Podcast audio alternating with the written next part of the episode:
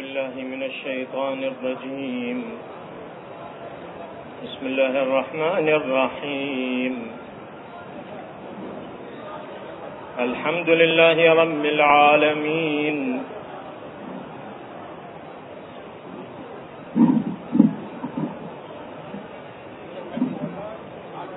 والصلاة والسلام على سيدنا ونبينا محمد وعلى آله الطيبين الطاهرين.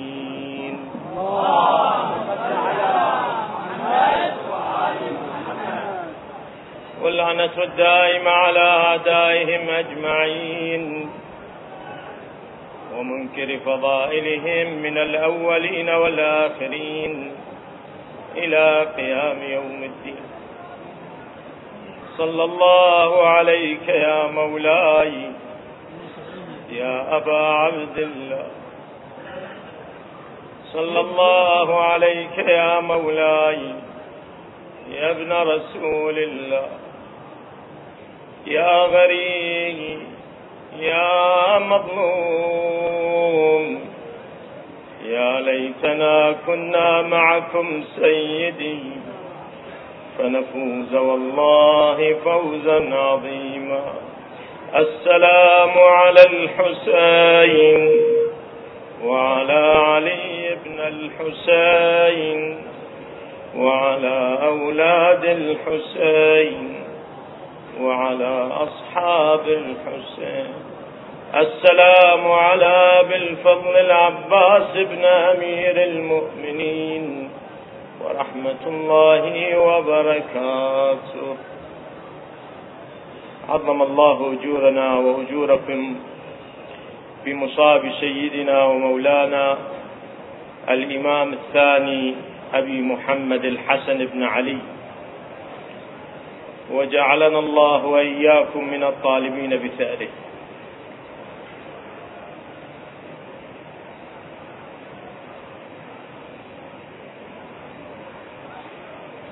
إتماما للحديث عن الشبه والبدع التي تظهر باسم الإمام عجل الله تعالى فرجه الشريف. لنكمل الحديث بما تحدثنا في الأسابيع الماضية عن الشبهات التي حاول أن يتمسك بها بعض الناس بما يتعلق بقضية إمامنا عجل الله تعالى فرجه. الشيء الذي أحببنا أن نذكره هو من الأسباب التي تجعل بعض الناس يتبعونه الأسبوع الماضي تحدثنا عن سبب من تلك الأسباب. في هذه الدقائق نتحدث عن سبب آخر خلي بعض الناس يتبعون أصحاب الشبهات أصحاب البدع. ولو أن العدد قليل الكم قليل. ولكن الله تبارك وتعالى أوجب على من عنده علم عندما تظهر البدع أن يردها ويناقشها بدون لحاظ الكم القلة والكثرة. من الأشياء التي يخيل إلى البعض عندما يقال له لماذا تتبع هذا المدعي وتركض وراء ذلك المدعي؟ يستدل بقضايا من قضايا الشبهات.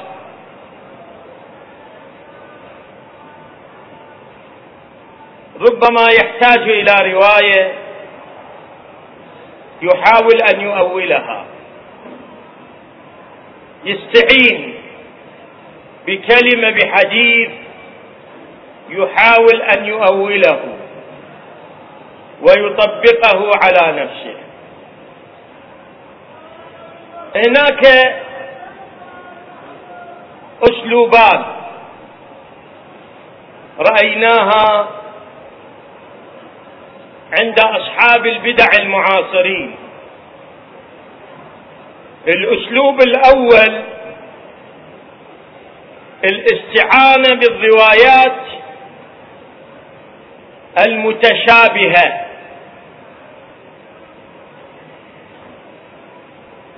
أمير المؤمنين سلام الله عليه عند قول إلى سليم ابن قيس الهلالي عندما يسأله قيس كيف أن الناس تركوك يا أمير المؤمنين؟ وذهبوا إلى غيرك. يذكر للامام صلوات الله عليه عدة أسباب. من جملة الأسباب أن بعض الناس اتبعوا الشبهات والشبهات يستدل عليها بالمتشابهات. وهناك من حديث أهل البيت عليهم السلام محكم ومن حديث أهل البيت متشابه. لاحظ هذا الموضوع من المواضيع الدقيقة. صحيح هذا الموضوع عادة يذكر في الدروس العالية في دروس الخارج في الدروس العلمية الحوزوية ولكن لا بد أن يتعرف الناس بشكل عام على بعض العلوم اللي ندرسها بالشكل الخاص. ولو يكون الطرح بشكل يتناسب ويا الطرح العام. شوف لاحظ. روايات أهل البيت عليهم السلام على نحوين. النحو الأول الروايات التي نسمي ونعبر عنها بقطعية الصدور وقطعية الدلالة. قطعية الصدور وقطعية الدلالة. شنو يعني قطعية الصدور وقطعية الدلالة؟ هناك روايات رويت بشكل متواتر مما يولد القطع واليقين بصدورها عن المعصومين عليهم السلام مثل حديث الغدير. حديث الغدير من الأحاديث المتواترة القطعية اللي يستطيع الإنسان بضرس قاطع يحلف بأن حديث الغدير قد صدر من النبي صلى الله عليه وآله. هذا يسموه قطعية الصدور يعني تحلف تقدر تحلف أن هذه الرواية قد صدرت من النبي صلى الله عليه وآله. قطعية الدلالة واضحة الدلالة. عندما يقول النبي صلى الله عليه وآله لعلي أنت أخي ووزيري وخليفتي من بعدي. واضح أن هذا نص على أن علي بن أبي طالب خليفة النبي صلى الله عليه وآله. ما يمكن أن يناقش في دلالة هذا الحديث إلا من في قلبه مرض. الآن هذا الموضوع نسميه من المواضيع المحكمه محكمة يعني ما تقدر لا تناقش بالسند ولا تناقش بالدلالة. واضحة. هذه محكمات. عندنا النوع الثاني وهي المتشابهات. أكو روايات يمكن أن تنطبق على معان متعددة. ألوان متعددة.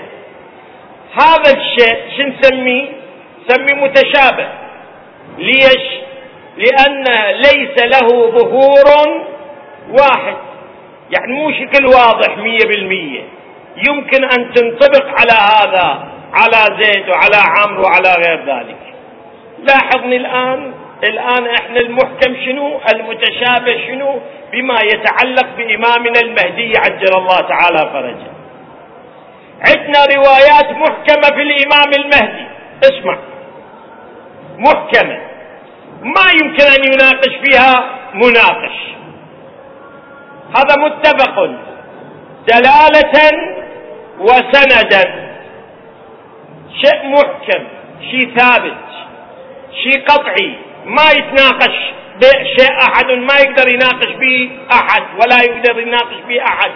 من جملة الأشياء.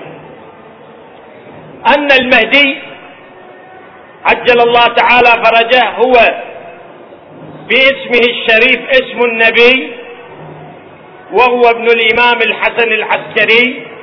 والحسن العسكري ابن الإمام المهدي. هاي قضية محكمة. يجيك واحد صاحب بدعة ويقول لك لا أن الإمام المهدي اسمه اسم آخر اسمه علي وابن علي بن أبي طالب. ويستدلك بحرف ساقط في بعض النسخ المطبوعة من بعض الروايات. هذا ما يمكن أن ترد المحكم بالمتشابه. يعني نترك القطعي ونترك المحكم ونلزم فد حكاية من الحكايات اللي بيها ألف معنى ومعنى. ما يمكن. اسمه اسم النبي واسم النبي معروف محمد صلى الله عليه وآله. وهو ابن الإمام الحسن العسكري صلوات الله وسلامه عليه. ما حد يناقش. هذا محكم. الشيء الثاني المحكم بالقضية أجيب لك أمثلة حتى نوضح شنو المتشابه. المحكم واضح عندك وعندي من البديهيات لكن أريد أبين لك شنو المحكم وشلون أن القوم أصحاب البدع حتى يحاولون أن يغيروا الحقائق المحكمة أيضا من الأشياء المحكمة المتعلقة بالإمام المهدي أنه مولود ولد سنة 255 للهجرة وقد شهد ولادته كثيرون من أهل بيته إما شافوا حين الولادة مثل السيدة حكيمة سلام الله عليها والسيدة نرجس التي ولدته والخادمة ونسيم الخادمة أيضا ممن حضر الولادة وماريا أيضا ممن وهي خادمة أخرى ممن حضرت ولادته وعجل الله تعالى فرجه. هذول كلهم حضروا. ومنهم من رأى الإمام. ولد صلوات الله وسلامه عليه هذا محكم. ولد سنة 255 للهجرة. هذا من المحكم. يجيك واحد ويقول لك أنه الإمام عجل الله تعالى فرجه الشريف. أنه ولد لنفترض سنة 1970 أو 75 هذا ما يتعادل ويا تلك المحكمات. مش مجرد مجرد الادعاء يكون هذا الادعاء من جملة الأشياء المحكمة المرتبطة بالإمام أن الإمام له غيبتان غيبة كبيرة وغيبة صغيرة. الغيبة الصورة اتضحت الغيبة الكبرى اللي بعدنا إحنا عايشين فيها. هذا محكم أن له غيبتان. غابة وحدة والثانية موجودة. من جملة الأشياء المحكمة أن الإمام عجل الله تعالى فرجه الشريف لا يظهر إلا بعد ظهور آيات حتمية. دلائل حتمية ثلاثة منهن ذني برجال بشخصيات الخراساني واليماني والسفياني. دول يطلعون في سنة واحدة في شهر واحد في يوم واحد. هاي من الحتميات. يجيك واحد ويقول لك لا أنا ما أقبل هذا ما يمكن. هذا يكون شنو؟ حينئذ رجما بالغيب. ما يمكن أن يناقش بهذه الحتمية هذا محكم. عندنا روايات متشابهة. اسمعني. روايات متشابهة. هذا من جملتها بما يتعلق بالإمام. من جملتها عندنا روايات علامات الظهور. اسمعني هاي. علامات الظهور على نوعين. أكو علامات حتمية وأكو علامات غير حتمية العلامات الحتمية خمسة. العلامات شرحناه سابقا. العلامات غير الحتمية يعني يمكن أن تصير ويمكن أن لا تحدث. يمكن أن ما تصير. وهي كثيرة. هذه العلامات الحتمية الناس لحبهم وتعلقهم بأهل البيت. وتعلقهم بالإمام المهدي عجل الله تعالى فرجه الشريف. شي يحاولون؟ يحاولون أنه يطلعون صاحب الزمان ساعة قبل ويوم قبل وحينئذ تنقضي فترة الغيبة الكبرى بظهوره. هذا كل الناس يتمنى. ماكو واحد ما يتمنى. ماكو مؤمن لا يتمنى ظهوره خصوصا من يقرأ دعاء الندبة. دعاء الندبة هذا الدعاء العظيم. المروي عن الناحية المقدسة كما يرويه المشهدي عن البزوفري وهو من كبار علمائنا رضوان الله عليه وهو مما خرج من الناحية المقدسة. هذا الدعاء العظيم فيه لوعة فيه ألم ألم الغيبة ألم الانتظار شو وقت يطلع؟ متى نرانا؟ متى ترانا ونراك؟ هذا الإحساس موجود عند الكل. كل مؤمن من مؤمن ومؤمنة ذكرا فحنا بظهوره. لكن مو معنى ذلك أن إحنا نتمسك بالمتشابهات مقابل أن نطلع صاحب الزمان. يعني الناس عندما تتمسك ببعض الروايات المتشابهة متشابهة المداليل حتى يتصورون بأن الإمام صاحب الزمان طلع أو راح يطلع. هذه طريقة غير ناضجة غير صحيحة. الأئمة عليهم السلام من جملة الأشياء اللي ذكروا العلامات غير الحتمية من أجل أن يوسعوا على المؤمن. يخلوا عند حالة المؤمن عند حالة من حالات الأمل والترقب. والابتعاد عن اليأس وانتظار ظهوره عجل الله فرجه. لكن بهذا الوقت ما يحق للإنسان أن يقول صعب الزمان راح يطلع بعد يوم أو شهر أو سنة أو مئة سنة أو ألف سنة. علم ذلك عند ربي في كتاب لا يضل ربي ولا ينسى. ما أحد يعلم متى يظهر صاحب الأمر. العلم من علم الله سبحانه وتعالى. مستحيل أن أحد يعلم متى يظهر عجل الله تعالى فرجه. الآن عندما يجي بعض الناس ويحاول أن يطبق بعض الروايات على بعض العلامات على بعض القضايا بضرس قاطع هذا من استخدام المتشابه. القرآن شو يقول؟ يقول ويتبعون ما تشابه منه. القرآن يقول أكو عندنا نوعين من الآيات. النوع الأول من الآيات محكمات هن أم الكتاب. وأخر متشابهات.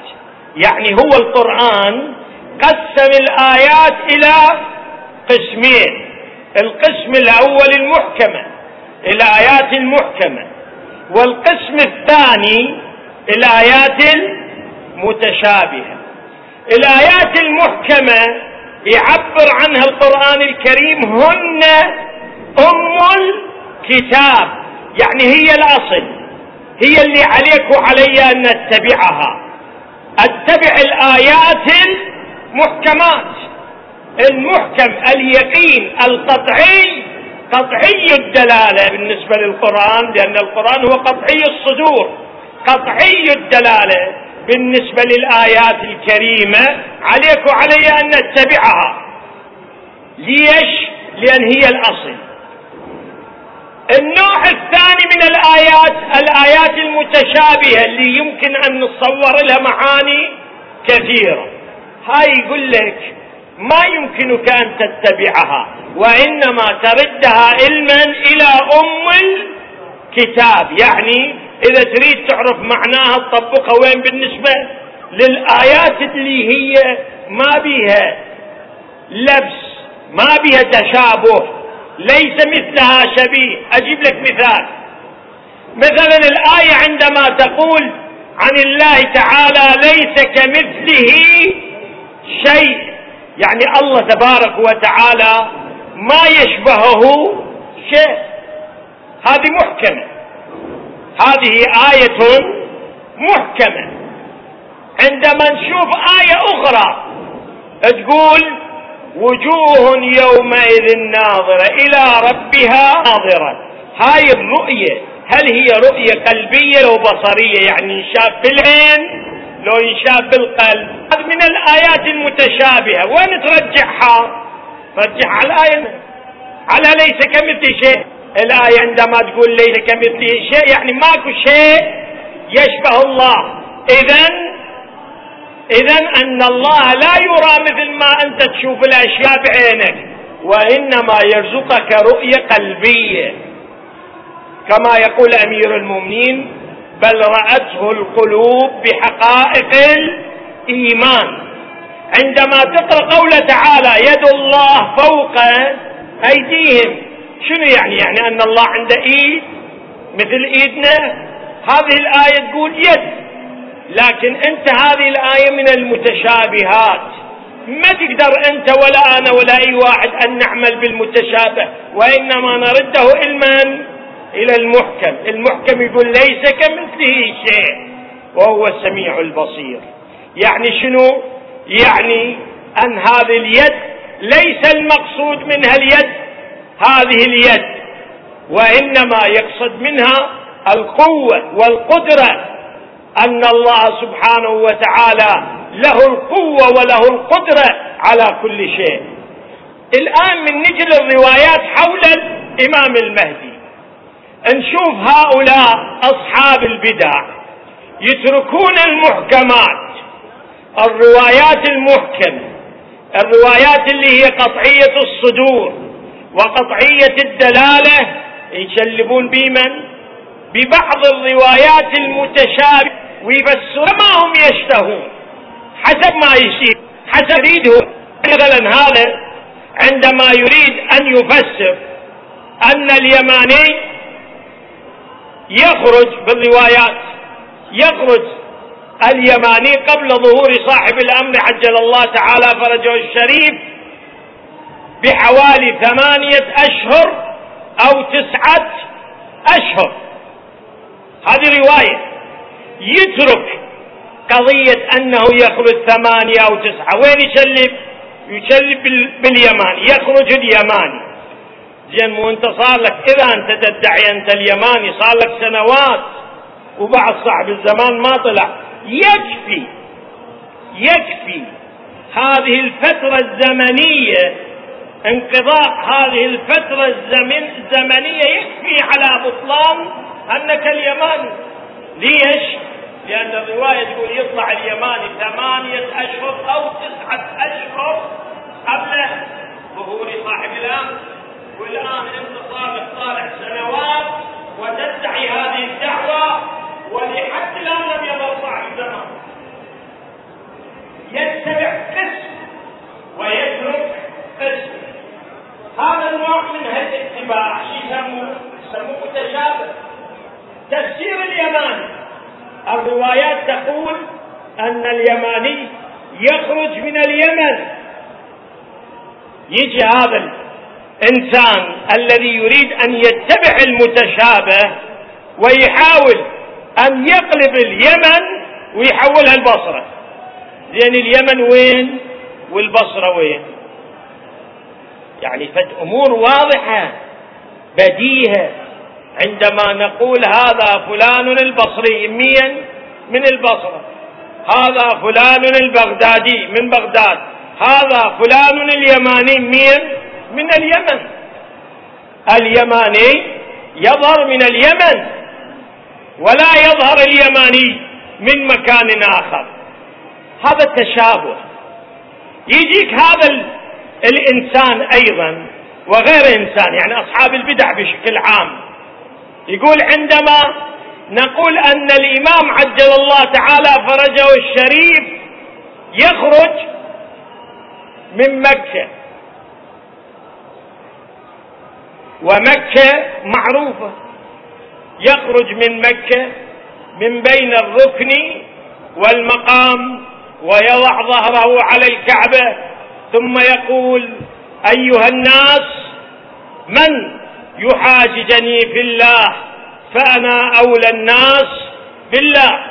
أيها الناس من يحاججني في آدم فأنا أولى الناس بآدم؟ إلى آخره الخطبة الشريفة التي سوف يكتبها عجل الله تعالى فرجه بما روي عن المعصومين صلوات الله وسلامه عليه. الركن المقام الركن. والمقام واضح معروف. وين صاير؟ الركن والمقام.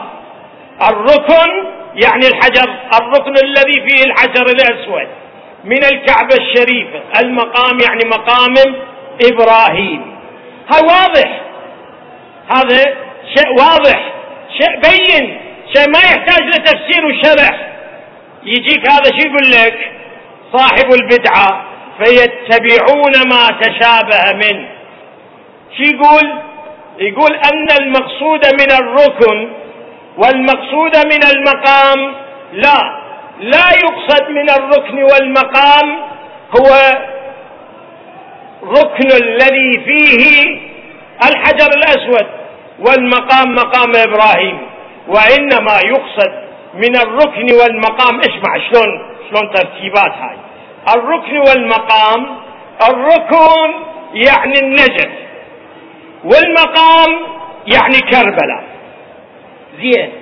شلون بالله صارت الركن والمقام؟ الركن النجف والمقام صار كربلاء.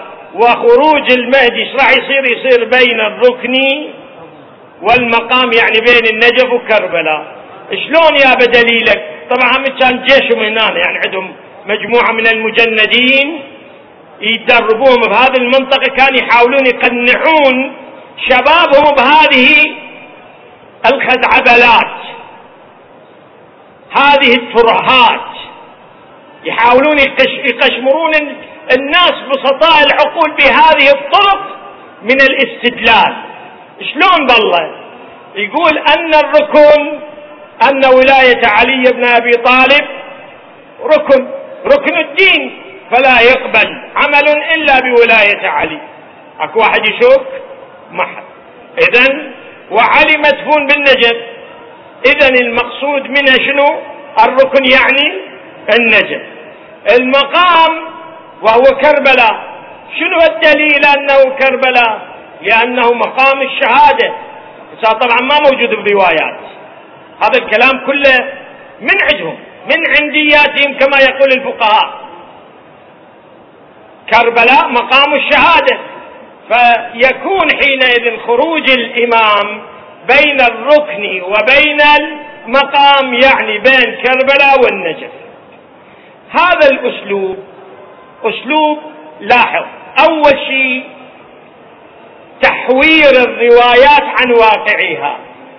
الائمه عرب الائمه يتكلمون بكلام عربي فصيح كما يقول الإمام الصادق نحن قوم فصحاء. ماكو افصح من آل محمد عليهم السلام؟ أفصح من الأئمة عليهم السلام في الدنيا لا يوجد. هل من الفصاحة بالله عليك يقول لك يخرج بين الركن والمقام ثم يضع ظهره على الكعبة ثم ينادي. هذا كلام عربي. هذا التشابه والتشبيه يتناقض كليا مع الكلام العربي. العرب ما يمكنهم أن يتكلموا بمثل هذا الأسلوب. أسلوب التأويل غير المقبول. أسلوب التأويل الذي هو بعيد كل البعد عن طريقه عرض حديثهم صلوات الله وسلامه عليه. هذا واضح واضح البطلان. لكن ليش الناس طبعا من هذا المتشابه لو تريد تشوف كلام كله من هالقبيل كله ليس كلامهم. يعني حرف كلامهم. لا يعني الجواب. لي كلامهم صلوات الله وسلامه عليهم يروون هؤلاء المنحرفون يروون كلام المعصومين صلوات الله وسلامه عليهم بهذا الأسلوب. الأسلوب من قلنا هذا مخالف للغة العربية. العرب لا يمكنهم أن يقبلوا مثل هذا الأسلوب خصوصا أن هذه البدع تطلع بمناطق عربية. ليش؟ نجد أن بعض الناس يتبعوهم. يتبعوهم لهذه المتشابهات. يتبعوهم من هذا الطريق. قلت لك أنا من الأسباب. هذا سبب آخر. ذاك الأسبوع تحدثنا عن سبب. يقول لك أنا أخاف والله يطلع وإذا طلع صاحب الزمان شو أسوي؟ هذا جاوبنا عنه. ذاك في حديث حوالي ساعة كما تذكرون في الأسبوع الماضي حكينا عنه. الآن نحكي عن المتشابه. يحاول يستدلك أن هذا هذا اللي هو اليماني.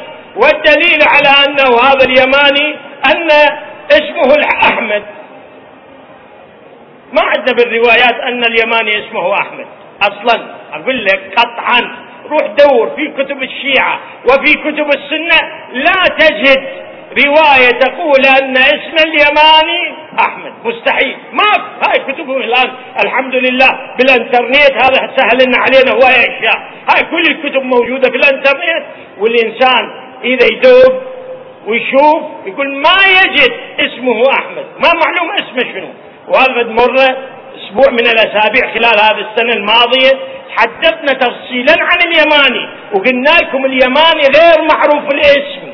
حتى مو اسمه حسين ولا اسمه حسن. هذا موضوع تحدثنا سابق عنه وهو مسجل وموجود هنا أيضا في العتبة المقدسة. رزقنا الله. زيارتها على الدوام والاستمرار إن شاء الله. هذا التشابه هذا هذا التشابه. ليش الناس يترك القضايا الجزمية؟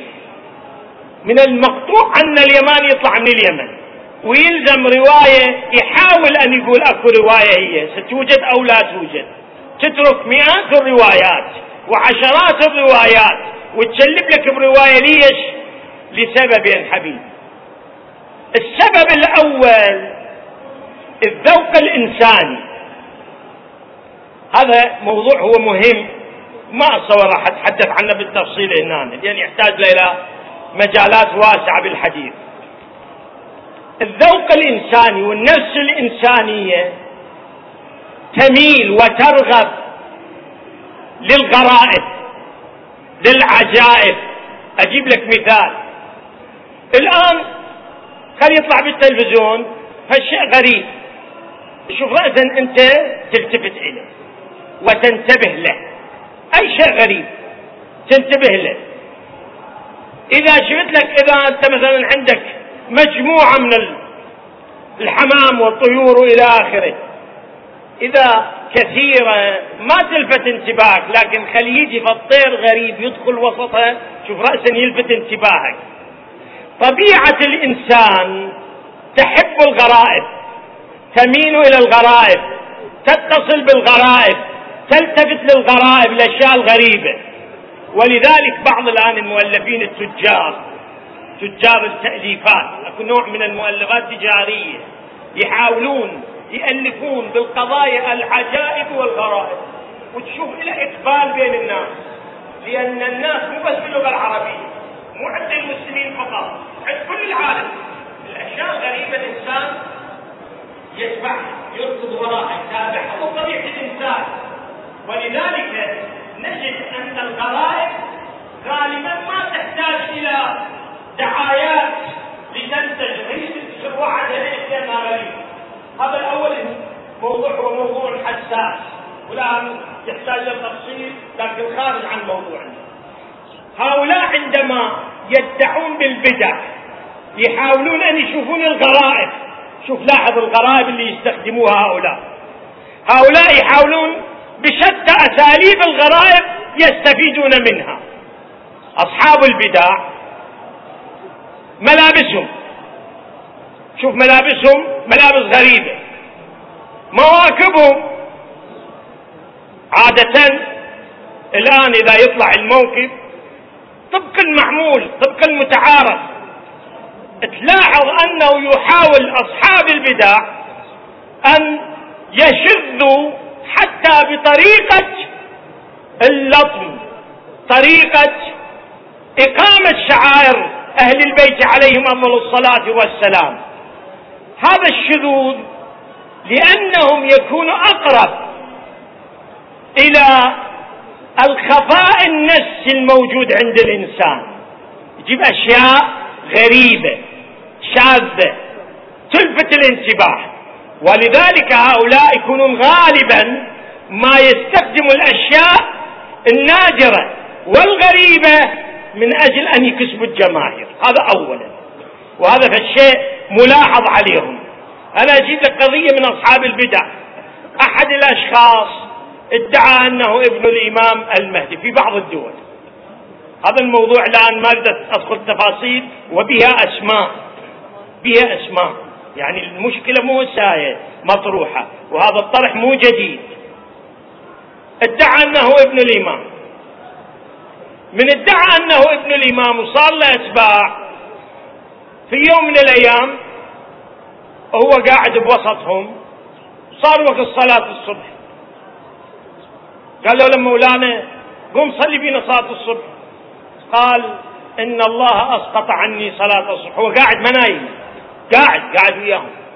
أسقط عني صلاة الصبح اليوم. قاموا وصلوا هم وينتظرون إيش وقت يصلي لهم ما يصلي. إلى أن طلعت الشمس وهو ما صلى. ليش؟ ليش؟ هو يصلي ربما باقي الأيام.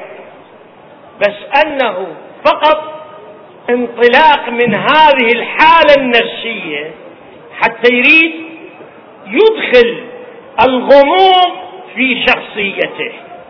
يريد يجعل نفسه غامضة شخصية غامضة. فإذا صارت الشخصيه غامضة ولذلك سوف يكون مسيطر على نفوس السذج والبسطاء.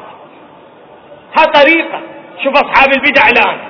أصحاب البدع نلاحظ من هذا العام لقوا هذا أبو الزرقة ضياء القرعاوي اللي ادعى أنه المهدي ولقوا عنده غرفتين. غرفة تجميل النساء غرفة تجميل الرجال. ليش؟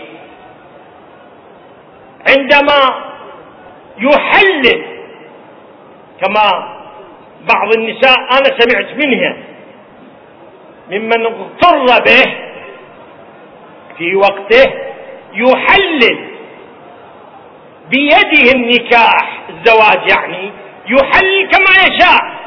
يقول لها نعم أنت اليوم أنا أوجبت عليك أن تنامين كذا مع الرجل اللي هو مو زوجك بأمر الإمام عنوان هو الإمام.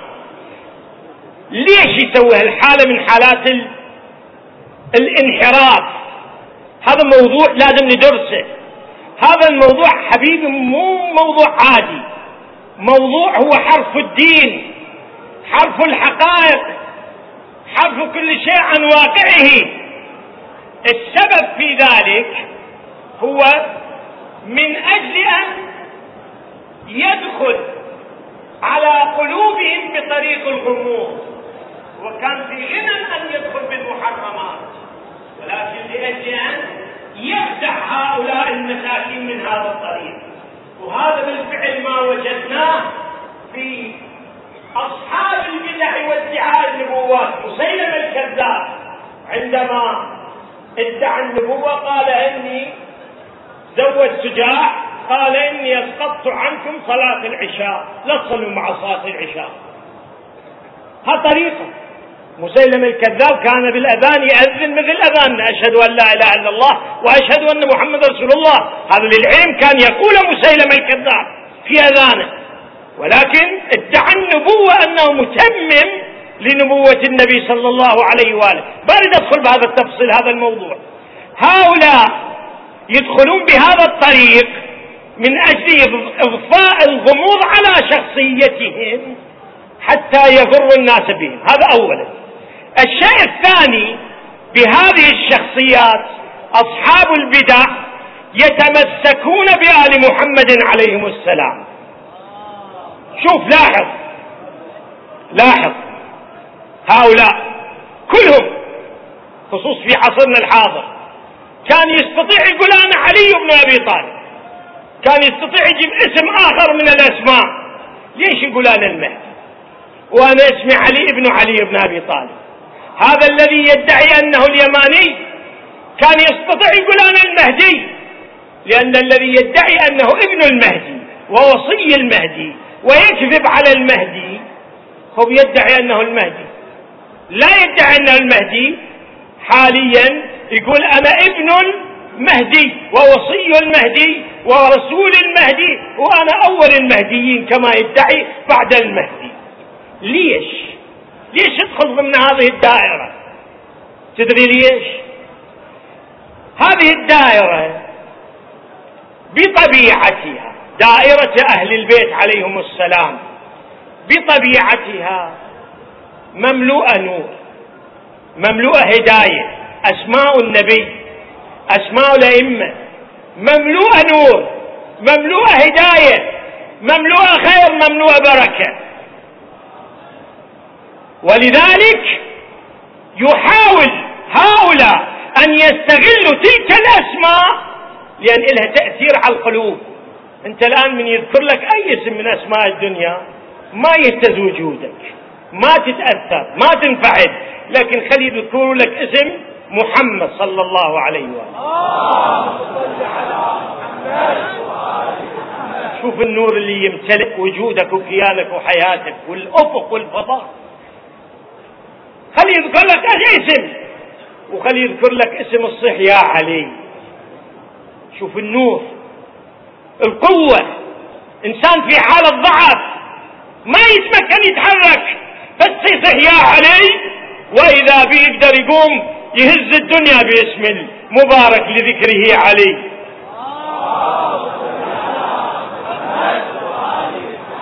حين الولادة والطلق على المرأة الشديد. تعسر بالولادة. تلاحظ حالة العسر. شو يقول له لها؟ يقول له صحي يا علي. وإذا هذا الاسم يغير يغير المعادلات. الله سبحانه وتعالى أعطى هذه الأسماء أنواع. أنت الآن اصح كل اسم صح لكن لو صحت يا حسين. تخنقك العبرة قلبك ينمرد عيونك تمتلئ دمك. وجودك كله يرتجف لاسم الحسين.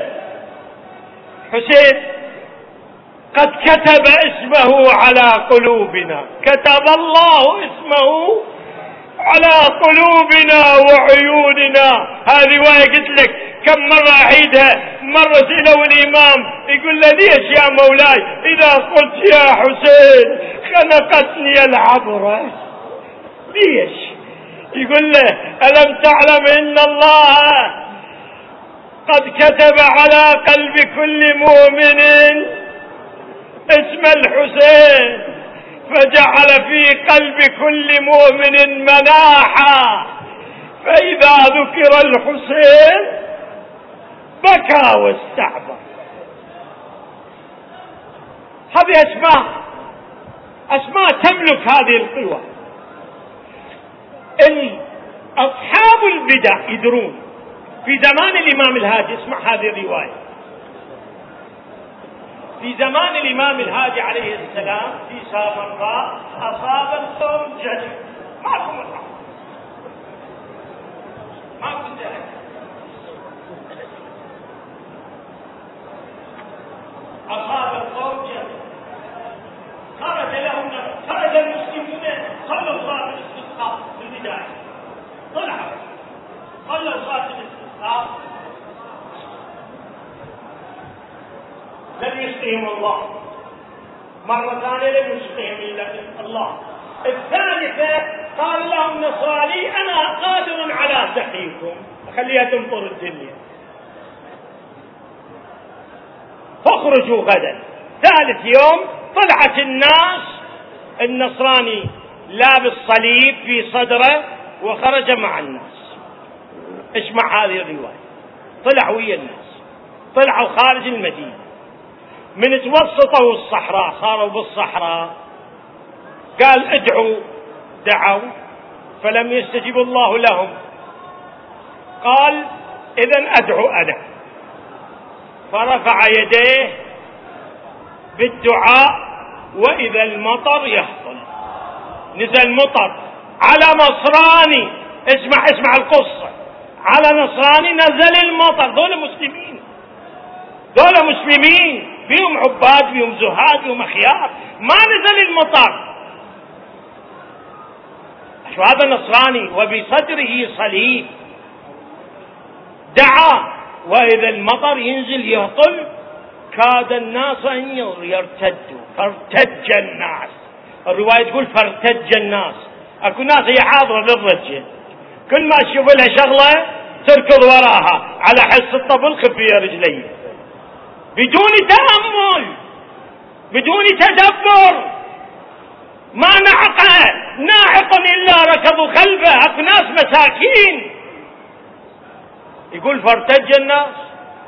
فصاح الخليفة العباس قال ويلكم.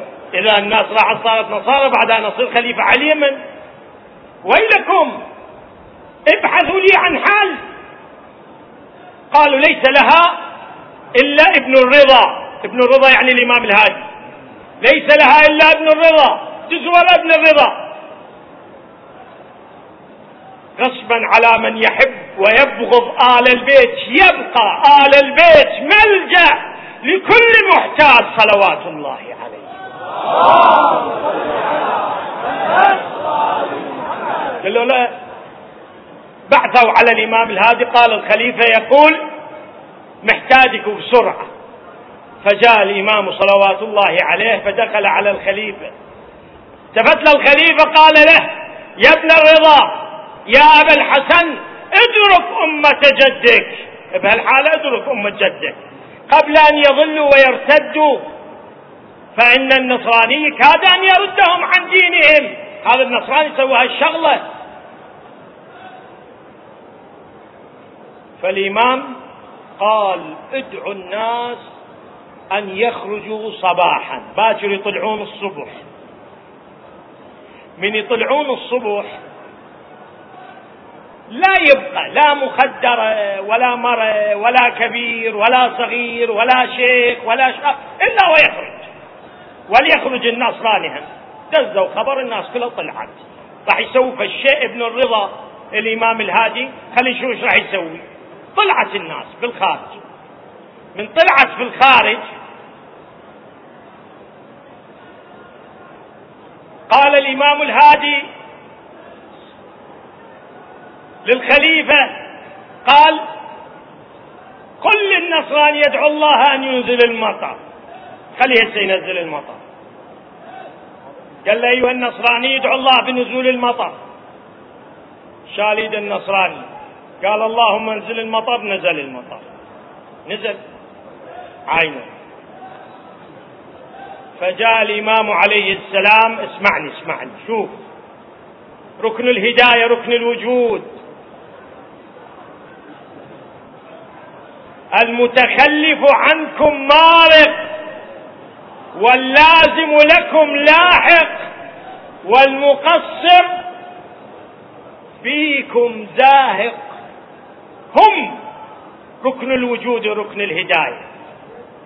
يقول الإمام الهادي عليه السلام فأخذ شيئا من يده أخذ شيء من يده. ثم قال له الإمام يا نصراني ادعو الله بالمطر. دعا ما استجاب. مرة ثانية ما استجاب. مرة ثالثة لم يستجب. التفت الخليفة قال له يا أبا الحسن قبل شوي استجيب هسه ما استجاب. ليش؟ قال لأن في يده عظمة عظم نبي. وما عرض عظم نبي. تحت السماء إلا هطلت مطرا ورحمة.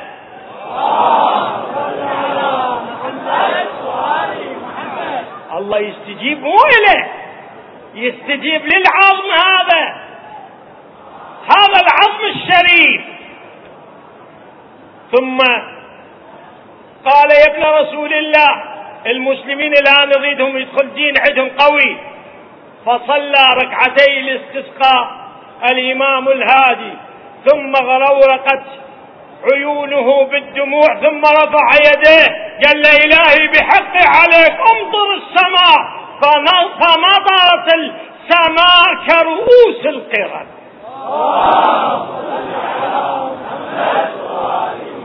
شلون قرب وينزل المي يستغلون هذه الأسماء الشريفة لأن هذه أسماء نور أسماء هداية أسماء خير أسماء بركة ولكن بنفس الوقت يكذبون ويحاربون المهدي ويدعون كذبا وزورا أنه أبناء الإمام المهدي وهم ليسوا بأبناء المهدي.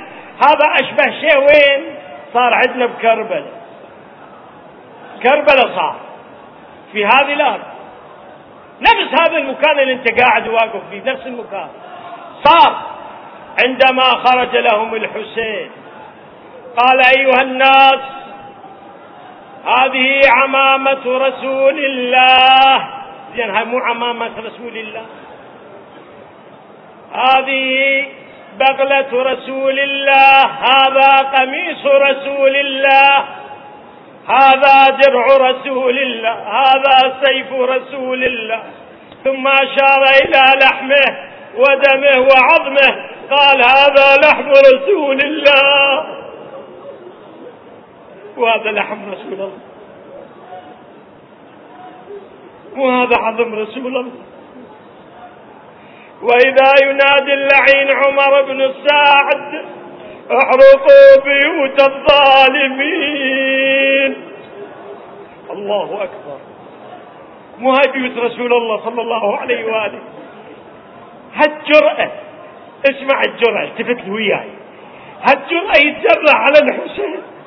ركن الوجود ركن الدنيا. يتجرأ.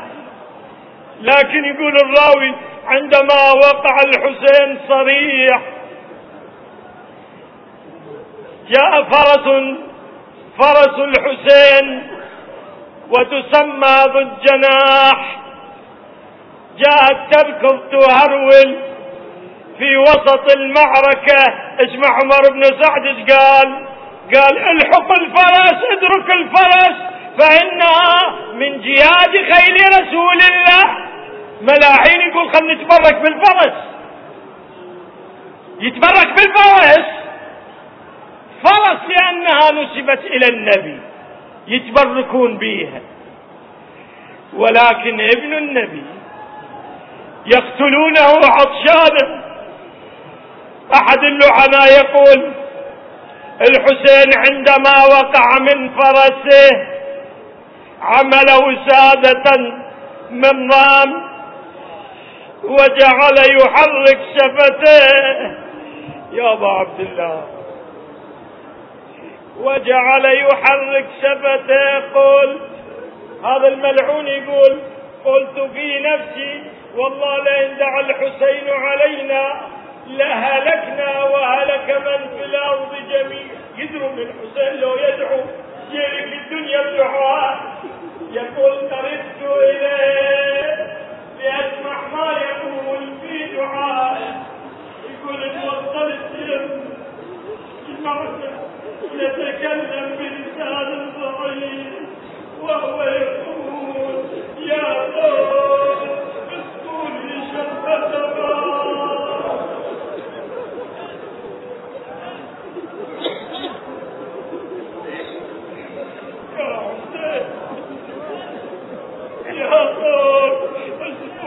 شربة ماء وحدتي هذا عطشان اللعين يقول ركضت إلى المشرحة يقول قطع نياط قلبي. يقول قلبي ما اتحمل هو قلب القاسي. يقول ركضت إلى المشرعة ليأتي له بالماء. أخذت الماء جئت راكضا. وإذا الدنيا قد احمرت. واغبرت وجبريل ينادي قتل الحسين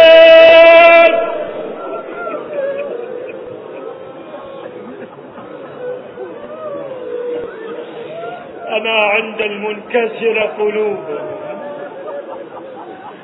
يا حسين يا حسين يا وجيها عند الله. اشفع لنا عند الله. لا لا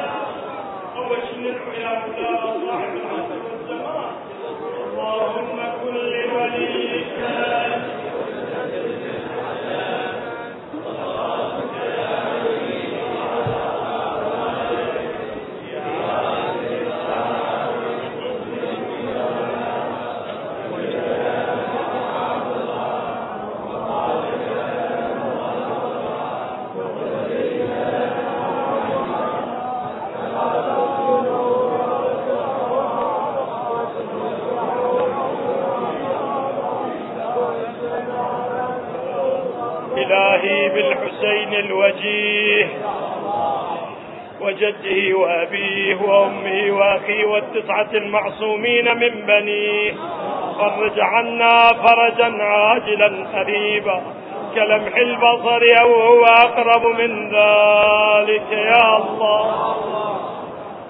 إلهنا إن كان في مجلسنا هذا صاحب حاجة فاقض حاجته. إلهي استشفعنا إليك في الحسين نقضي حوائج المحتاجين يا رب. إلهي هنا بعض المؤمنين قالوا لي ادعوا لنا بقضاء الحوائج. وشفاء المرضى لا سيما المخصوصين لا سيما اللي يوصون بالدعاء. اللهم شافي كل مريض. اللهم وسع علينا من حلال رزقك. اقضي ديوننا. احفظنا في أنفسنا وأهلينا ومن يلوذ بنا. لا تحرمنا من زيارة الحسين. ارزقنا في الدنيا زيارته وفي الآخرة شفاعته. اللهم اجعلنا من أنصار المهدي وأعوانه. احفظ علماءنا الأعلام ومراجعنا الكرام. لا سيما سماحة آية الله العظمى المرجع الديني للأعلى السيد السستاني يا جمس الله. إلى أموات المؤمنين والمؤمنات لا سيما العلماء والشهداء والسادات رحم الله من يقرأ الفاتحة مع الصلوات.